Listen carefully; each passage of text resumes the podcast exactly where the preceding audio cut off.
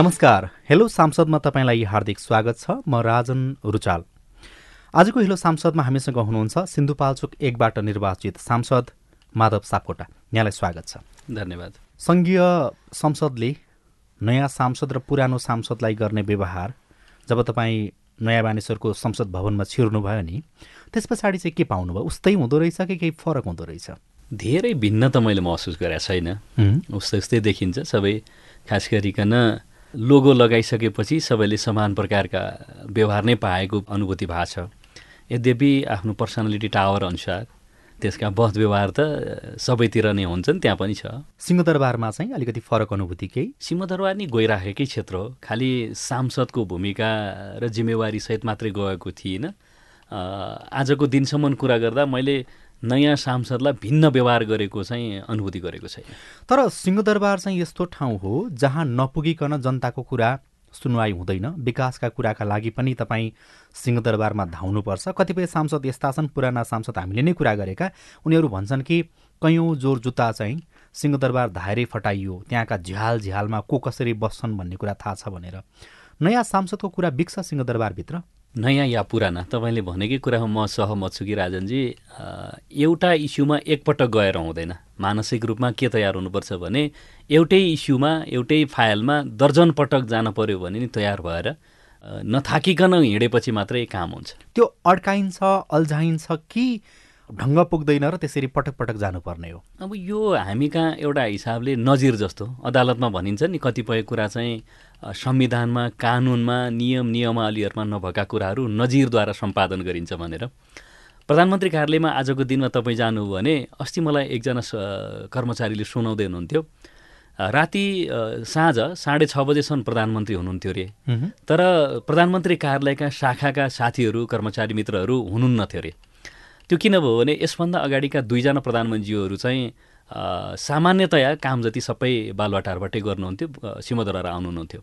भन्दा सिंहदरबार प्रधानमन्त्री कार्यालयका सबै कर्मचारी साथीहरूलाई एउटा के नजिर र बानी परिसक्यो भने प्रधानमन्त्री नभएपछि दस चार गर्ने हिँड्ने। भन्दा हामी कहाँ सिङ्गो मेकानिजम यस्तो भएको छ कि?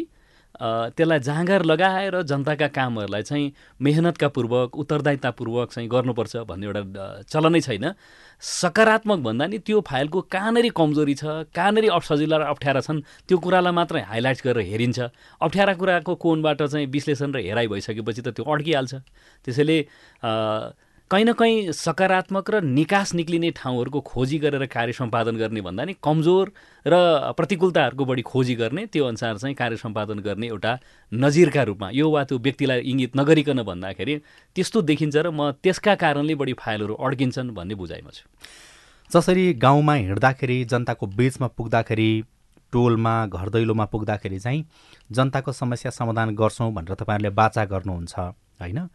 र त्यसै अनुसार भोट माग्नुहुन्छ चुनाव जितेर सिंहदरबारमा आउनुहुन्छ संसद भवन नयाँ बानेश्वरमा आउनुहुन्छ। जनतालाई जसरी आश्वासन दिइन्छ नि इमान्दारितापूर्वक भन्दाखेरि चाहिँ सिंहदरबारभित्र त्यो आश्वासन पुरा गर्नको लागि तपाईँहरूले गर्ने मेहनत जति सजिलै बाँडिन्छ त्यति सजिलोसँग त्यहाँ काम गर्न सकिन्छ भन्ने लाग्छ तपाईँलाई? ज्यादै महत्त्वपूर्ण कुरा सोध्नुभयो तपाईँले। चुनौती छन्। भोट माग्दै गर्दा जनताका बिचमा कसम खाँदै गर्दा यो तपाईँले भनेकै प्रश्नसँग बडो ख्याल ध्यान गरिकन भनेका छौँ र यो पनि भनेका छौँ। हामी एक्लैले गरेर हुँदैन। खास गरिकन राजनीतिक नेतृत्व र प्रशासनिक कर्मचारी तन्त्र। यो दुईवटा कुराका बिचमा चाहिँ राम्रो तादम्यता तालमेल र टिम स्पिरिट नमिलिकन नेपालमा राजनीतिक नेतृत्वले मात्रै सोचेर पनि हुँदैन ब्युरोक्रेसीले मात्रै सोचेर पनि हुँदैन। यो दुईवटाका बिचमा समान बुझाइ भयो भने मात्रै कार्य सम्पादन गर्न सकिन्छ भन्ने कुरा अहिले बुझेको होइन कि हिजै थाहा भएको कुरा हो। यसमा केही चुनौतीहरू छन्। कतिपय सन्दर्भमा राजनीतिक नेतृत्वले नीति नियम कानुन ऐन नियमावलीहरू अर्थात् कानुनको सम्पादन गर्दा नि पर्ने कुरामा केही ढिलासुस्ती पनि भएका छन्। र बनेका कानुनहरूलाई सही ढङ्गले फेरि कार्यान्वयन गर्ने फलो गर्ने जिम्मेदारी त ब्युरोक्रेसीको हो। यो यो बिचमा चाहिँ कतिपय मनोवैज्ञानिक प्रकारको ल्याकिङ छ भन्ने मेरो बुझाइ छ। कतिपय अब कार्य शैलीका कुराहरू पनि छन् र कतिपय कुरा फेरि ससाना कुरा अघि उदासीनताका कुरा मैले गरेँ त्यससँग सम्बन्धित छ। यो एउटा चुनौतीको कुरा हो। म चाहिँ कमसेकम दुवैले उत्तिकै राजनीतिक नेतृत्व र कर्मचारी तन्त्रले उत्तिकै संवेदनशील भएर यी कुराहरूलाई लिनुपर्छ र सम्पादन गर्नुपर्छ भन्ने पक्षमा छु र म त्यसका लागि मेहनत गर्ने पक्षमा छु। अब एक हिसाबले हेर्ने हो भनेदेखि त जुन दिन शपथ ग्रहण गर्नुभयो त्यही दिनबाटै जनताको काम गर्नुपर्ने दिनको दिनगन्ती सुरु भयो तपाईँहरूको पाँच वर्ष कार्यकालको दिनगन्ती सुरु भयो। त्यसो हुँदाखेरि चाहिँ अहिलेसम्म कति काम गर्नुभयो के काम गर्नुभयो सोध्नु त पाइयो। तपाईँले दिने जवाफ जनताले पर्खेर बसेका छन्। त्यसकारण पनि सोध्दैछु। ठिक हो। दिनगन्ती त मैले त कहाँबाट महसुस गरेको छु भने हारे पनि जिते पनि जुन दिन नोमिनेसन हालियो एउटा जिम्मेदारी बोकियो भन्ने कुराको महसुस गरेको थिएँ। जनताको काम गर्छु भनेर। भनेर। जिते पनि गर्नु परिहाल्यो। जित्दा भोट नदिने सबै जनताको सम्मान गरेर सबैलाई समेटेर अभिभावकको भूमिका निर्वाह गर्नु पर्यो। हारियो आफूलाई ज जसले मत दिए त्यसको प्रतिनिधित्व गर्न पर्यो नि। त्यस हिसाबले अब जहाँसम्म के गरियो यो बिचमा तपाईँले भन्ने सोच्नु भएको छ म मेरो आफ्नै निर्वाचन क्षेत्रको कुरा गर्न चाहन्छु। निर्वाचनका दौरानमा मैले मुख्य मुख्य विषय के के राखेका थिएँ भने तातो पानी नाकालाई सुचारू गर्नका लागि राजनीति र कुटनीतिक पहल कदमी लिन्छु भनेको थिएँ। जितेपछि सामान्य प्रधानमन्त्री प्रधानमन्त्री हुनुभन्दा अगाडि नै उहाँ कहाँ हामी डेलिगेसन गयौँ सबै सिन्धुपाल्चोको एउटा सर्वपक्षीय टोली बनाएर। त्यसको कुटनीतिक र राजनीतिक पहल कदमी अगाडि बढाइएको छ। तातो पानी नाका खोल्नका लागि चिन सकारात्मक रहेको कुरा हामीले सन्देश प्राप्त गरेका छौँ। एउटा एउटा विषयमा छिमोलेर अगाडि बढौँ है त। हस्। त्यसो हुँदाखेरि यो तातो पानी नाकालाई नै पहिला अलिकति पर्गेलौँ त्यस पछाडि अगाडि बढौँला। तातो पानी नाकाको सन्दर्भमा हामीले पनि रिपोर्ट प्रसारण गऱ्यौँ। तर त्यहाँका अधिकांश मानिसहरू के भन्छन् भने राजनैतिक पहल भयो ज्ञापन पत्र बुझाउने काम भयो तर चिनलाई यो कुरा थाहै छैन। त्यहाँ कुटनीतिक पहल पुगेकै छैन। उनीहरू यो विषयमा जानकार नै छैनन्। यो चाहिँ किन? अब त्यो धारणाका नि म सम्मान गर्छु तर त्यो मात्रै सत्य होइन। म आफै साँची छु। अहिलेको प्रधानमन्त्री हाम्रो पार्टी अध्यक्ष प्रधानमन्त्री हुनुभन्दा अगाडि उहाँका मार्फत बेजिङमा पर्याप्त कुरा पुऱ्याइएको छ। निवर्तमान सभामुख त्यही क्षेत्रको पहिलाको सांसद हुनुहुन्थ्यो। उहाँले उच्चस्तरीय चिनिया डेलिगेटहरूसँग राम्रोसँग कुरा गर्नुभएको छ र बारम्बार आजको प्रविधि अनुसार चाहिँ चिनसँग कुरा गर्नुभएकै छ। म निर्वाचित भएर आए पछाडि मैले नै अहिलेको प्रधानमन्त्रीसँग बसेर धेरै पटक चिनको उच्चस्तरीय राजनीतिक नेतृत्वसँग कुरा गरेको मैले आफैले सुनेको छु। चिनका लागि नेपाली राजदूत विष्णु पुकार श्रेष्ठ बेजिङमा हुनुहुन्छ। म निर्वाचित भएपछि दुई दर्जन पटक जति उहाँसँग मेरो नियमित सम्पर्क छ पुरानो चिन्जान पनि हो त्यस हिसाबले उहाँले कुटनीतिक रूपमा पहल कदमी लिइराख्नु भएको छ। उहाँले के भन्नुहुन्छ? जनतालाई थाहा दिउन। उहाँले दिनुभएको सन्देश र प्रधानमन्त्रीलाई निवर्तमान सभामुखलाई चिनिया पक्षले दिएको उच्च स्तरको नेतृत्वले दिएको सन्देश भनेको नाका खोल्नका लागि हामी सकारात्मक छौँ। आयात निर्यात खोल्नका लागि मानसिक रूपमा चिन तयार भएको छ र पहिलाको भन्दा अहिलेको नाकामा चाहिँ गाडीको फ्लो बढेको पनि छ। तर हामीले के भनेका छौँ भने भूकम्पभन्दा अगाडि जसरी मानव आवत जावत सहितको चाहिँ चहल पहल र या नाका सुचारू थियो त्यो स्तरमा लानु पर्यो हामीले भनेका छौँ। हामी छलफल गर्छौँ भन्नुभएको छ। भर्खरै नेपालका लागि चिना राजदूत आउनुभएको छ। केही दिनमै उहाँसँग म सहितकै एउटा बायोलेटर मिटिङ हुँदै पनि छ। मलाई लाग्छ उहाँहरू अहिले उहाँहरूको एउटा हाम्रो दसैँभन्दा नि ठुलो चाड लोसारमा हुनुहुन्छ। उहाँहरूको यो चाड सकिँदा बित्तिकै यसबारेमा एउटा मूर्त र ठोस कार्यक्रम बनाएर अगाडि जान्छौँ र म चाहिँ के आशावादी छु भने विगतको भन्दा थप नाका खोल्ने बारेमा प्रगतिको सन्देशहरू आउँछ भन्ने कुरामा अपेक्षाकृत छु आशावादी हामी पनि छौँ त्यसकारण फेरि पनि प्रश्न गर्दैछु। एक महिना दुई महिना छ महिना कति समय लाग्ने हो? केही त भन्न सकिन्छ नि त थोरै भए पनि। अब दिन निश्चित गर्ने भन्ने कुरा नेपालको मात्रै कुरा भएको भए अलिक सजिलो हुन्थ्यो। यो अन्तर्राष्ट्रिय कुटनैतिक र राजनीतिक दुइटै सवाल पनि छ। मैले महिना छ महिना पनि त भनेको छु नि त। अब म यसमा चाहिँ दिन निश्चित गरेर भन्दा नि यथासम्भव चाँडो भन्ने शब्द प्रयोग गर्न रुचाएँ अहिलेका लागि राजनजी। तर जति सक्दो चाँडो एक दिन अगाडि भए पनि नाका खुल्दा मात्रै सिङ्गो देशलाई पनि यसले अर्थतन्त्रमा राम्रो टेवा पुर्याउन सक्दछ। सिन्धुपाल्चोको त कुरा भयो नै। मैले दलका तर्फबाट सदनमा बोल्ने बेलामा पनि उच्च प्राथमिकतामा राखेर सरकारले लैजान्छ भन्ने कुरा चाहिँ आवाज उठाएको पनि छु। त्यसको सरकारका तर्फबाट राम्रो प्रतिक्रिया पनि छ। प्रधानमन्त्री अर्थमन्त्रीज्यूसँग निरन्तर यसका बारेमा सम्वाद भएको छ। चिनियाहरूको चासो भनेको जुरे पहिरोदेखि बारबिसे हुँदै तातो पानीसम्मको सडकलाई स्तर उन्नति गरिदियोस् भन्ने छ। सडक विभागले तयार पारेको डिपिआर अनुसार द दुई अरब अडचालिस करोडको फाइल एउटा बनेको छ। त्यो निवर्तमान सभामुखै पालादेखि अगाडि बढेको छ र मैले केही दिन अगाडि मात्रै पनि फेरि प्रधानमन्त्रीलाई त्यो निवेदन दिएको छु। हामीले यो वर्षातभन्दा अगाडि त्यो बाटोका बारेमा चिनियाहरूलाई विश्वास दिलाउने र उहाँहरूले अगाडि जाने हुँदाखेरि उहाँहरू यो पर्व सकिँदा बित्तिकै यसका बारेमा ठोस एउटा चिज लिएर जानुहुन्छ। कति दिनमा हुन्छ भन्ने कुरा म केही दिनमा राजदूतसँग चाहिँ औपचारिक रूपमा सम्वाद गर्दैछु त्यसपछि भन्न सक्छु। कम्तीमा दस प्रतिशत बिस प्रतिशतसम्मको प्रगति चाहिँ हामीले सुन्न पाउँछौँ। अवश्य। अब यो एउटा भयो तातो पानी नाकाको सन्दर्भ। अब अर्को पनि एउटा प्रसङ्ग तपाईँ जोड्दै हुनुहुन्थ्यो मैले बिचमै ब्रेक गरेको थिएँ। तातो पानी नाकापछि मैले अर्को कुन प्राथमिकतामा भन्ने गरेको थिएँ भने ओरेन म्याग्नेसाइड यो वर्षौँदेखि रुग्न अवस्थामा छ। लामो साँगुमा भएको। लामो साँगुमा। मुडे क्षेत्रमा खरी यो माथि खरीढुङ्गा मुडे क्षेत्रमा यसको खानी क्षेत्र छ। र उस बेला रोपेको प्रयोग गरेर रोपेको प्रयोग गरेर लामो साँगुमा चाहिँ मेसिन औजारसहितको औद्योगिक क्षेत्र छ। यसको बारेमा मैले आफ्नो घोषणापत्रमा नि भनेको छु र मन्तव्यमा पनि भन्ने गरेको छु। या त यो चलाउन सकिँदैन भने यसलाई डिस्क्लोज गर्नु पऱ्यो डिस्क्लोज गरेर तीका सबै औजारहरू अब काम लाग्दैनन् त्यसलाई चाहिँ कबाडीमा बिक्री वितरण गर्ने या व्यवस्थापन गर्नु पऱ्यो र त्यो क्षेत्रलाई बाह्रबिसे बलफी र सुनकोशी तिनवटा स्थानीय तहको चाहिँ केन्द्र पर्दछ। ती तिनवटा स्थानीय चाहिँ तहहरूको औद्योगिक ग्रामका रूपमा घोषणा गरौँ र ससाना उद्योगहरू भए नि सञ्चालनतिर जाउँ भन्ने एउटा प्रस्ताव गरेको छु। म जितेर निर्वाचित भएर आए पछाडि यो सरकारसँग नियमित सम्पर्कमा छु। र त्यसलाई हेर्ने उद्योग मन्त्रालयका चाहिँ अधिकारीहरूसँग पनि सम्पर्क सरसल्लाहमा छु। अहिले भर्खरै मैले अर्थमन्त्री र उद्योग मन्त्रीसँग पनि छलफल गरेको छु। यही कुरा उहाँहरूलाई राख्ने गरेको छु कि अब यसलाई पिपिपीको मोडालिटीका आधारमा सञ्चालन गरौँ। खेतान समूह यो सञ्चालन गर्न सक्छु भन्ने पक्षमा उहाँहरू हुनुहुन्छ। त्यस्तो हो भने एउटा लिजको चाहिँ प्रक्रिया अवलम्बन गरेर निजी क्षेत्रलाई राज्यको चाहिँ दायित्व नखोसिने गरिकन दिउँ र सञ्चालन गरौँ भनेको छ। सम्भवतः यही दिशामा अगाडि जान्छ र अर्थमन्त्रीज्यूको नेतृत्वमा रहेको एउटा निजीकरण समिति हुन्छ त्यहाँ हाउसका प्रतिनिधिहरूसहितको निजीकरण समिति रिफर्म भएको छैन। नेपाल सरकारले केही प्रतिनिधिहरूको त्यहाँ मनोनयन गर्न बाँकी छ।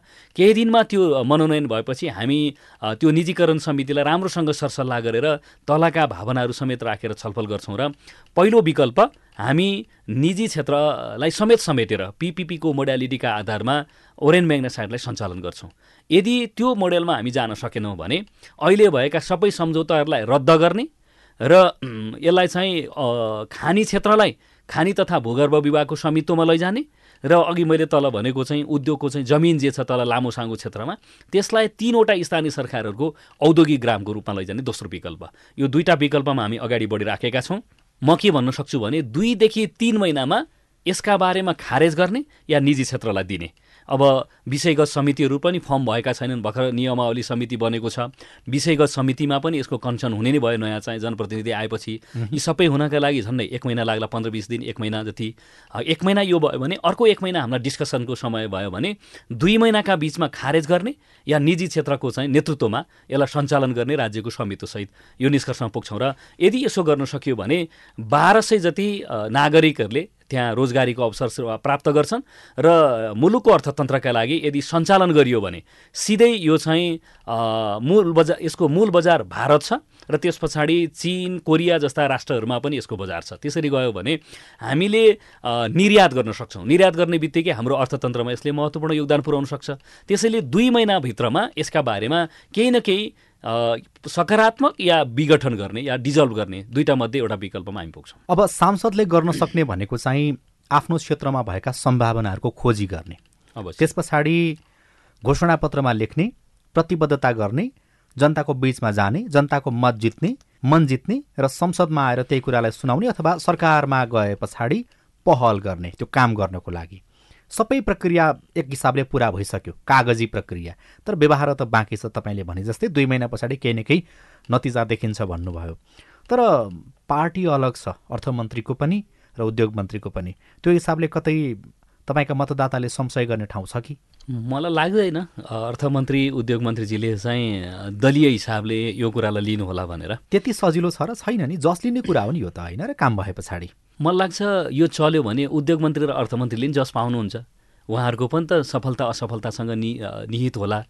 म अहिले यसमा बारेमा सकारात्मक ढङ्गले नै सोध्न चाहन्छु र उहाँहरूले नि सकारात्मक रूपमा लिनुहुन्छ भन्ने मेरो प्रारम्भिक चरणको उहाँहरूसँगको संवादबाट मेरो मनोविज्ञान विकास भएको छ। तर तपाईँसँग जुन पार्टीको सांसद पदको प्रत्याशी हुनुहुन्थ्यो पराजित हुनुभयो अथवा द्वितीय स्थान प्राप्त गर्नुभयो उहाँहरूले भित्रभित्रै चलखेल गर्नुहुन्न भन्ने कुराको ग्यारेन्टी के छ? जनतालाई कसरी आश्वस्त पार्ने? यदि त्यो चलखेल भयो र यो विषय नकारात्मक ढङ्गले विकास भयो भने जस्ताको तस्तै कुरा म जनताका बिचमा भनिदिन्छु।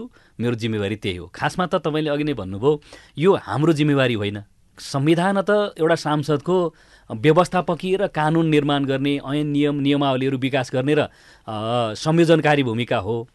हाम्रो संवैधानिक व्यवस्थाका र परिभाषाका अनुसार तर हामीले भोट माग्दा कार्यकारी प्रमुखको रूपमा माग मागेका छौँ वचनबद्धता गरेका छौँ। त्यस हिसाबले संयोजनकारी समन्वयकारी भूमिका हामीले खेल्नुपर्छ यो समन्वयकारी भूमिका हो। मलाई के लाग्दैन भने अहिले अर्थमन्त्री आफैमा एउटा उच्च स्तरको लिडर पनि हुनुहुन्छ। फेरि अलिकति परिणाम बेसमा काम गर्न चाहने पनि हुनुहुन्छ। अर्थमन्त्री र उद्योग मन्त्री मभन्दा भिन्न पार्टीको नेताहरू भए पनि समग्र सरकारको नेतृत्व सामान्य प्रधानमन्त्रीज्यूले गर्नुभएको छ। मन्त्रीहरू क्याबिनेटप्रति उत्तरदायी हुनुहुन्छ। त्यो क्याबिनेटको मूल नेतृत्व मेरो पार्टीको अध्यक्ष हुनुको नाताले मलाई के आत्मविश्वास छ फेरि भने यसका बारेमा कानुनी र अरू झमेलाहरू आएनन् भने राजनीतिक र क्याबिनेटले सम्पादन गर्नुपर्ने कुराहरू हुन्छ भन्ने कुरामा म राम्रोसँग चाहिँ उत्साहित छु। अर्को कुरा तपाईँको निर्वाचन क्षेत्रको कुरा गर्दाखेरि चाहिँ एउटा यस्तो पनि ठाउँ हामीले पायौँ। त्यो पनि रिपोर्टिङकै क्रममा त्यहाँबाट प्राप्त भएको रेडियो सामग्रीबाट थाहा पाएको कुरा। जुगल गाउँपालिका वडा नम्बर तिन। तपाईँ पनि पुग्नु भएको होला होइन? भोट माग्ने क्रममा। दर्जनौ पटक। तेम्बाथान त्यहाँ चाहिँ सिटामोल पनि पाइँदैन भन्ने कुरा पनि थाहा छ होला। हामीलाई त्यही भन्नुभयो त्यहाँको नागरिकले। त्यस्तो थियो। अहिले एउटा अस्थायी स्वास्थ्य चौकीको व्यवस्था गरिएको छ। तिनजना कर्मचारीहरूको व्यवस्था छ। तपाईँ सांसद भइसके पछाडि? हुनुभन्दा अगाडि नै।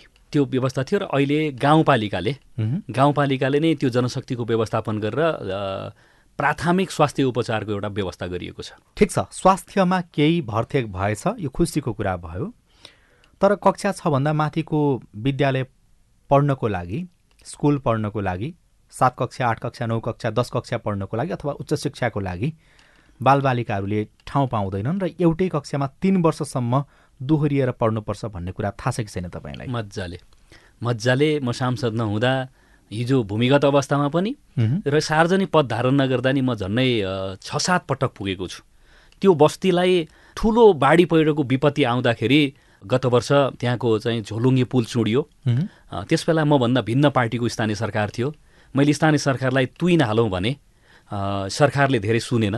नसुनेपछि मैले आह्वान गरेँ फेसबुक मार्फत र चन्दा जम्मा भेला गरेर हामी तुइन हालौँ भनेर सात लाख रुपियाँ चन्दा भेला जम्मा गरेर पन्ध्र दिन खटेर म आफै पन्ध्र दिन खटेर हामीले एउटा तुइन लगायौँ। किन लगायौँ भने माथि हुस्सु आउने र कोही बिरामी भइहाल्यो भने पनि हेलिकप्टरबाट रेस्क्यु गर्न सकिने। बोकेर ल्याउँदाखेरि त्यहाँ चाहिँ पुल बाढीले चुटिएर लग्यो।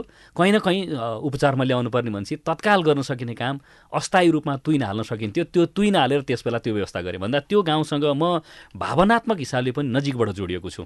जहाँसम्म शिक्षाको कुरा तपाईँले गर्नुभयो दुई तिन वर्ष अगाडिसम्म तपाईँले भनेकै कुरा साँचो आज त्यसमा केही न केही परिवर्तन आएको छ।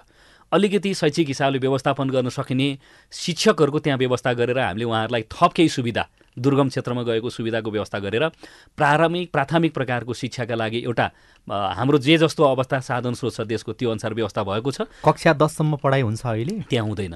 त्यहाँ हुँदैन र उहाँहरू तल जुगल गाउँपालिकाको मुकाम भएको चनौटेमा चिन सरकारले बनाइदिएको भव्य भवनसहितको आवासीय व्यवस्था छ। तेम्माथानका पनि केही विद्यार्थीहरू तेम्माथान क्याङसिङ गुम्बा माथिल्लो भेका हिमाली भेका चाहिँ विद्यार्थीहरू अहिले चनौटेको विद्यालयमा आएर आवासीय हिसाबले अध्ययन गरिराख्नु भएको छ। सबै विद्यार्थीहरू त्यहाँ आएर पढ्ने स्थितिको हुनुहुन्न। उहाँका अभिभावकले पनि पढाउन पठाउनुहुन्न होला पढ्नको लागि जाने उहाँहरूलाई त्यो दिनुहुन्न होला होइन? त्यो सबै कुरा हुँदै गर्दाखेरि त जुन ठाउँमा अभिभावकहरू छन् जुन ठाउँमा बस्ती छ जुन ठाउँमा नागरिकहरूको बसोबास छ त्यही ठाउँमा राज्यको सुविधाहरू पुग्नुपर्ने हो नि त होइन र? अथवा सुविधा खोज्दै नागरिकहरू सहज ठाउँमा चन तपाईँले भने जस्तै चनौटे बेसीमा झर्नुपर्ने त होइन। विद्यालय पुग्नुपर्ने हो नि त गाउँमा त। त्यो चाहिँ कहिले हुन्छ त? अब जनसङ्ख्या भूगोल सबै कुरालाई सन्तुलन मिलाउनुपर्छ। मैले व्यवहारिक भएरै कुरा गर्नुपर्छ। त्यहाँ अहिले चल्ने भनेको एउटा तहको प्राथमिक लेभलकै शिक्षा हो। अहिले मावि स्कुल भन्दिनँ जति सजिलो छ अहिले सिआइएनबाट त्यो जीवन व्यवहारमा लागू गर्नका लागि त्यति सजिलो कुरा छैन। सुनिरहनु भएको छ है तपाईँलाई तपाईँको मजाले मजाले। म गएर उहाँहरू म घर घरका मानिसहरू चिन्छु तेम्माथानको सबैका घरमा बहुसङ्ख्यकको घरमा गएर मैले ढिँडो खाएकै छु। त्यसैले मलाई के लाग्छ भने प्राथमिक तहको विद्यालयलाई व्यवस्थित गर्ने र माध्यमिक तहको आवासीय प्रकारको राज्यले बरु हिमाली भेगका त्यो भेगका विद्यार्थीलाई थप सहुलियत र सुविधा दिनु पऱ्यो नि तलको विद्यालयमा। त्यो व्यवस्था गरेर अगाडि जाने गरिकन सोच्नुपर्छ र शिक्षाको क्षेत्रमा। त्योभन्दा जटिल कुरा त्यहाँ चाहिँ पूर्वाधारका लागि बाटो र बत्तीको कुरा हो। बाटो मलाई लाग्छ अब दुई वर्षभित्रमा बाटो तेमाथान पुग्छ। ढिलोमा दुई वर्षभित्रमा। यो कुरा चाहिँ जनताले फेरि दोहोऱ्याएर सुन्नुपर्ने विषय आज आजको मिति राखेर राजनजी जनताले सुन्दा हुन्छ। दुई वर्षभित्रमा तेमाथानमा सडक पुग्छ। अहिले दुई हजार उनासी सालको माघ महिनामा हामी कुरा गर्दैछौँ। माघ महिनाको अठार गते साँझ तपाईँहरू म गफ गर्दैछौँ। यो प्रसारण हुँदाखेरि उन्नाइस गते हुन्छ बिस गते होला। केही छैन। तर हामीले थाहा पाउनु पर्ने कुरा चाहिँ के हो भन्दाखेरि दुई हजार एकासी सालको माघ महिनाभित्रको समय राखौँ अथवा दुई हजार एकासी सालभरिको समय राखौँ। त्यो समयभरिमा त्यहाँ सडक पुग्छ। काठमाडौँबाट सत्तरी किलोमिटरमा बलेफी पुगिन्छ। बलेफीबाट बलेफी जलबिरे तेम्बाथान हुँदै नेपेमा साल सहायक राष्ट्रिय राजमार्ग सामान्य सभामुख अग्नि सापकोटाको पहलमा बजेट व्यवस्था भएर भटाभट काम भइराखेको पूर्व सभामुख। पूर्व सभा निवर्तमान सभामुख। सत्तरी किलोमिटर हाइवे बलेफी। बलेफीबाट एक्काइस किलोमिटर कात्तिके भन्ने ठाउँसम्मको बजेट व्यवस्था भएर अन्डर कन्स्ट्रक्सनको एरियामा छ। मलाई लाग्छ अब एक वर्षभित्रमा कात्तिके भन्ने ठाउँ एक्काइस किलोमिटरसम्मको सडक खण्ड कालोपत्री भइसक्छ।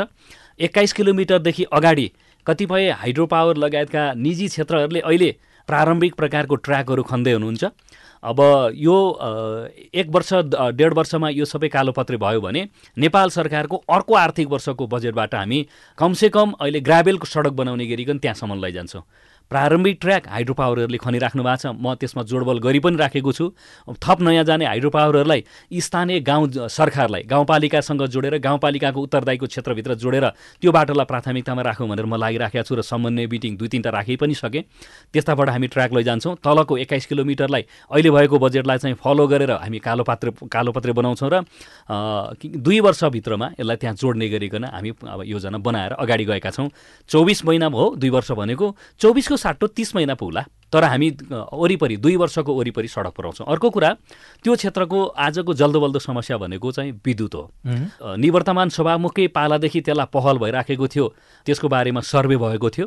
म निर्वाचित भएर विद्युत प्राधिकरणमा पहल गरेपछि तिन करोड पचास लाख पैसा भयो भने गुम्बा गाउँको आदि विद्युतीकरणको चाहिँ सम्पन्न गर्ने माथि क्याङसिङ शेर्पा बस्ती छ दिपु साङ्गालिङ र तेम्माथान। यो बस्तीहरूको चाहिँ विद्युतीकरणका लागि नपुग बजेट भनेको सबै गर्दाखेरि तिन करोड पचास लाख भयो भने सम्पन्न हुन्छ भन्ने कुरा विद्युत प्राधिकरणको लामो साङ्खाको चाहिँ वितरण केन्द्रले भनेपछि सोही अनुसार बजेट व्यवस्था भएर आजभन्दा एक हप्ता अगाडि टेन्डर आह्वान भएको छ। सायद निर्माण कम्पनी चाहिँ तय गरेर केही वर्षभित्रमा तेम्बाथानसम्म विद्युतीकरण हुन्छ। यो केही वर्ष भन्ने शब्दवालीलाई हटाएर यति वर्ष भन्न सकिँदैन कुनै एउटा वर्ष तोकेर अब यसमा म किन डराएको छु भने म निर्वाचित भएको निर्वाचन क्षेत्रमा झन्डै दुई दर्जन जति आयोजनाहरू सडक पुल खानेपानी सिँचाइ आदि यी हेर्दाखेरि सम्पन्न हुनुपर्ने आजभन्दा छ वर्ष सात वर्ष अगाडि। कतिपय त कस्तो एउटा पुलको मलाई तपाईँ उदाहरण दिनुहुन्छ भने अरनीको लोकमार्गको। एकापट्टि खण्डको जीप बनेको छ अर्कोपट्टि खण्डमा कामै भएको छैन सात वर्ष भएछ त्यो चाहिँ मुआब्जाका कारण विवाद भएर अड्केर बसेको। भोलि यस्तै केही टेक्निकल समस्याले तलमाथि होलान्। तर मैले त्यसकारण अहिले अब हौसिएर अहिले यति हुन्छ उति हुन्छ भनेर तोकिदिउँला त्यो समयमा काम भएन भने जनतामा निराशा आउँछ। तर मैले भने केही वर्षभित्रमा सडक विद्युत शिक्षाको क्षेत्र स्वास्थ्यको क्षेत्र चाहिँ हिमालसँग जोडिएका तेमाथान दिपु साङ्गालोङ गुम्बा क्याङसिङ जस्ता क्षेत्रहरूलाई सहज ढङ्गले तलका चाहिँ तल्लो तटीय क्षेत्रका बस्ती र सहरहरूसँग सहरी पहुँचसँग सहज ढङ्गले जोड्ने मेरो उच्च प्राथमिकतामा छ त्यो काममा लागिरहेको छु। र सिन्धुपाल्चोकको कुरा गर्दाखेरि चाहिँ तपाईँको निर्वाचन क्षेत्रको कुरा गरौँ अथवा अर्को क्षेत्रको पनि उस्तै नै अवस्था छ केही प्राकृतिक विपत्तिहरू चाहिँ परिरहन्छन्। त्यहाँ बाढी पहिरोका घटनाहरू निरन्तर भइराखेका हुन्छन् र ठुलो जनधनको क्षति पनि विगतमा बेहोर्दै आएको इतिहास छ। त्यो सबै कुरालाई हेर्दाखेरि चाहिँ विपदबाट नागरिकलाई तत्काल जोगाउने कुरा त्यो काम गर्ने कुरा राहत उद्धारको कुरा एकातिर भयो त्यो घटना घटिसके पछाडि अथवा पूर्व तयारीको कुरा पनि एकातिर भयो। तर विपदमा परिसकेका नागरिकहरू चाहिँ लामो समयसम्म पालमुनिको बसाइमा बस्नु पर्यो भनेर व्यापक गुनासो गरिरहनु भएको छ। तपाईँहरूले स्थानान्तरण गर्न सक्नु भएको छैन भन्ने छ। तपाईँको यसपटक सांसदमा जित्दै गर्दाखेरिको अर्को एउटा विषय भनेको त्यो पनि हो। बस्ती स्थानान्तरण गर्छु भन्ने विषय। पहिरोबाट प्रभावित भएकाहरूलाई स्थानान्तरण कहिलेसम्म गरिसक्ने? ज्यादै महत्त्वपूर्ण कुरा हो यो। सिन्धुपाल्चोक चाहिँ बहुप्राकृतिक प्रकोपबाट प्रताडित भएको जिल्ला हो। म निर्वाचित भएको एक नम्बर क्षेत्र पनि। भटेकोसीको बाढी पहिरो जुरे आयो नापुचेको पहिरो लिदीको पहिरो यो त मानवीय क्षति भएर निकै धेरै ठुलो चर्चाको विषयमा रह्यो। मानवीय क्षति कम भएर र भौतिक हिसाबले क्षति भएका त अनगिनत र दर्जनौँ त्यस्ता बस्तीहरू छन्। विज्ञहरूले रातो चाहिँ स्टिकर टाँसिदिएका बस्तीहरू पनि छन्। अब विडम्बनाको कुरा जुरेको पहिरोबाट पीडित भएका नागरिकहरूलाई निजी क्षेत्रबाट सङ्कलन भएको रकम अहिलेसम्म सरकारले दिएको छैन। फेरि जिरोबाट त्यो फाइल उठाउन म निर्वाचित भएर आएदेखि सुरु गरेको छु। अब पुरानो फाइलले काम गरेन। त्यस पछाडि बाह्र विषय त्रिपुरा र बलेफी तिनवटा स्थानीय तहहरू जुरे पहिरोबाट पीडित हो प्रभावित हो। तिनवटा सरकारले लेखेर जिल्ला प्राकृतिक समितिलाई पठाउनु भएको छ। भर्खरै प्रमुख जिल्ला अधिकारीहरूको सरुवा भयो। नयाँ प्रमुख जिल्ला अधिकारी केही दिन अगाडि मात्रै हाजिर हुन जानुभएको छ। उहाँले एक दुई दिन बुझिसकेपछि जिल्ला प्राकृतिक समितिबाट उहाँहरूले निर्णय गरेर पठाउनुहुन्छ। गृह सचिव गृहमन्त्री निवर्तमान गृहमन्त्री मुख्य सचिव र प्रधानमन्त्रीज्यूसँग कुरा भइ नै सकेको छ। आर्थिक रूपमै फुकुवा गरिदिने र एउटा कार्यविधि बनेको छ त्यसअनुसार चाहिँ त्यसलाई रकम वितरण गर्ने भनेर। मैले अहिले ढुक्कका साथ भने एक महिना पर्खिदिनुहोस् एक महिनाभित्रमा जुरे पहिरोका प्रभावितहरूको रकम फुकुवा भएर जान्छ र वितरण गर्छौँ। हिजो तपाईँलाई मैले फोन गर्दाखेरि चाहिँ कुराकानीको लागि बोलाउन भनेर समयको लागि फोन गर्दाखेरि तपाईँ गाउँमा हुनुहुन्थ्यो। म भन्दै थिएँ। एउटा कार्यक्रममा हुनुहुन्थ्यो होइन त्यो खास के सन्दर्भ थियो? लिदी पहिरो। म लिदी पहिरोका प्रभावित पीडितहरूसँगै थिएँ। पहिरोबाट दुई सय नौ घर विस्थापित हो। त्यसमध्ये हिजो एकचालिस घरधुरीलाई हामीले चौतारा साँचो गढीको चार नम्बर वडा देउरालीमा ल्याएर बस्ती स्थानान्तरण गर्ने र सुरक्षित ठाउँमा आवास निर्माण गर्ने भनेर राज्यले नै दस प्रतिशत रकम स्थानीय सरकारले बाँकी प्रदेश सरकार र सङ्घीय सरकारले हालेर दुई सय नौ घरधुरीमध्ये एकचालिस घरधुरीलाई हामीले हिजो आधिकारिक पूर्जा वितरण गऱ्यौँ म आफै गएर पूर्जा वितरण गरिएको छ तपाईँकै गाउँ हो क्यारे मेरै गाउँ देउराली मेरै गाउँ हो त्यहाँ राख्यो। सत्ताइस घरधुरीलाई जुगल गाउँपालिकाकै मुकाम चनौटेमा हामी लाँदैछौँ र मलाई लाग्छ पन्ध्र बिस दिनभित्रमा। पन्ध्र बिस छिट्टो काम भयो भने पन्ध्र बिस दिनमा चाहिँ सत्ताइस घरधुरीको पूर्जा बन्दैछ। अरू बाँकीको अब पचहत्तर घरधुरी बाँकी रह्यो। पचहत्तर घरधुरीको चाहिँ लिदीकै वरपट्टि सिमल डाँडा भन्ने ठाउँमा चाहिँ बस्ती बस्न योग्य ठहरिएको हुनाले त्यही ठाउँमा नयाँ बस्ती विकास गर्ने भनेर विज्ञहरूले दिएको सुझावका आधारमा पचहत्तर घरधुरीलाई तेस्रो चरणमा हामी त्यहाँ बस्ती बनाउँछौँ। त्यसो गर्दा पाँच पाँच लाख रुपियाँ घर एउटा घर बराबर पाँच लाख रुपियाँ बनाउने गरिकन राज्यले दिएको छ। किस्ताबन्दीमा जान्छ त्यहाँ एउटा कार्यविधि छ। र पूर्वाधारको क्षेत्र हामी सरकारका तर्फबाट बनाइदिने र अरू घर चाहिँ पाँच लाख त्यसमा थपेर बनाउन चाहनुहुन्छ भने एक रूपतामा रङ कोड समेत एउटै बनाएर बनाऊ भन्ने मैले हिजो उहाँहरूसँग अन्तर्क्रिया पनि गरेको छु। यसरी लैजाने गरी लिदीका बारेमा सोचेका छौँ। बाँकी भोटेकोसी क्षेत्रमा ठुलो चाहिँ बाढी पहिरोद्वारा प्रभावित बस्तीहरू छन् त्यसलाई लैजान हामी अब काम सुरु गर्नुपर्ने छ। यो लिदीको चाहिँ निवर्तमान सभामुख र त्यसमा म पनि जोडिएर स्थानीय सरकार पनि जोडेर हामी लागिराखेका थियौँ र ट्याक्कै यसको परिणाम देखियो। बाँकी अरूको चाहिँ सुरक्षित ठाउँहरूको चाहिँ जमिन नपाएर हामीलाई एउटा चुनौती भइराखेको छ भोटेकोसी क्षेत्रको नापुचे क्षेत्रको बारबिसे क्षेत्रको। त्यसका बारेमा सुरक्षित बस्तीहरूको हामी खोजीमा छौँ। त्यो बस्तीहरू प्राप्त गर्ने भेटिने बित्तिकै जग्गा प्राप्ति र लाल पूर्जा बनाउने प्रक्रियामा हामी जान्छौँ र यो काम गर्छौँ। पाँच वर्ष पछाडि तपाईँ फेरि फर्केर बस्तीमा जाँदै गर्दा गाउँमा जाँदै गर्दाखेरि यो चाहिँ फरक भयो अरूको भन्दा अरू सांसदको भन्दा। म नयाँ पनि हो युवा पनि हो त्यस कारणले यो कुरा चाहिँ फरक भयो। मेरोमा पनि तपाईँहरू आएर सिक्न सक्नुहुन्छ हेर्न सक्नुहुन्छ। यो उदाहरणीय गरेँ भन्ने चाहिँ के गर्नुहुन्छ? यसमा मैले के भनेको छु भने पूर्वाधार क्षेत्रको काम त नियमित भइराख्ने प्रक्रिया हो। यो गरिन्छ गर्नुपर्छ। प्रत्येक गाउँपालिकामा पिच गरिएको सडक पुर्याउने गाउँपालिकाको मुकाममा। गाउँपालिका र ओडामा चाहिँ ग्राभेल गरेको तर स्कुटी पर साना कारहरू लिएर जान सक्ने गरी काठमाडौँ र बनेपा बसेको नागरिकले उसको गाउँपालिकामा दिउँसो गएर चाहिँ सेवा लिन्छ। र त्यो सेवा लिएर ऊ घर जान्छ। भोलि बिहान स्कुटी लिएर फेरि बनेपाएर काठमाडौँ फर्केर उसले चाहिँ सर्भिस गर्न सकियोस् भन्दा काठमाडौँबाट गाउँपालिकामा जाने सडकलाई कालोपत्रै गर्ने गाउँपालिकाबाट ओडामा जाने सडकलाई चाहिँ हिउँदबर्खै स्कुटी र कार लिएर जान सक्ने गरिकन ग्राभेल सडकका रूपमा विकास गर्ने। पाँच वर्षमा यति मात्रै गर्न सकियो भने युवा सांसद भएको कार्यकालमा चाहिँ वा देखिने गरी काम भयो भन्ने बनाउन सकिन्छ। तपाईँको आवाज रेकर्ड छ तपाईँको भिडियो पनि सुरक्षित छ हामीले खिचेर राखेका छौँ। पाँच वर्ष पछाडि अथवा तिन चार वर्ष पछाडि कहिले हुन्छ तपाईँलाई फेरि बोलाउँछौँ र यसै गरी फेरि सोध्छौँ। धन्यवाद। यो सँगै हेलो सांसदको समय सकिएको छ। प्राविधिक साथी सुभाष पन्तसँगै म राजन रुचाल पनि बिदा हुन्छु। हवस् त नमस्ते।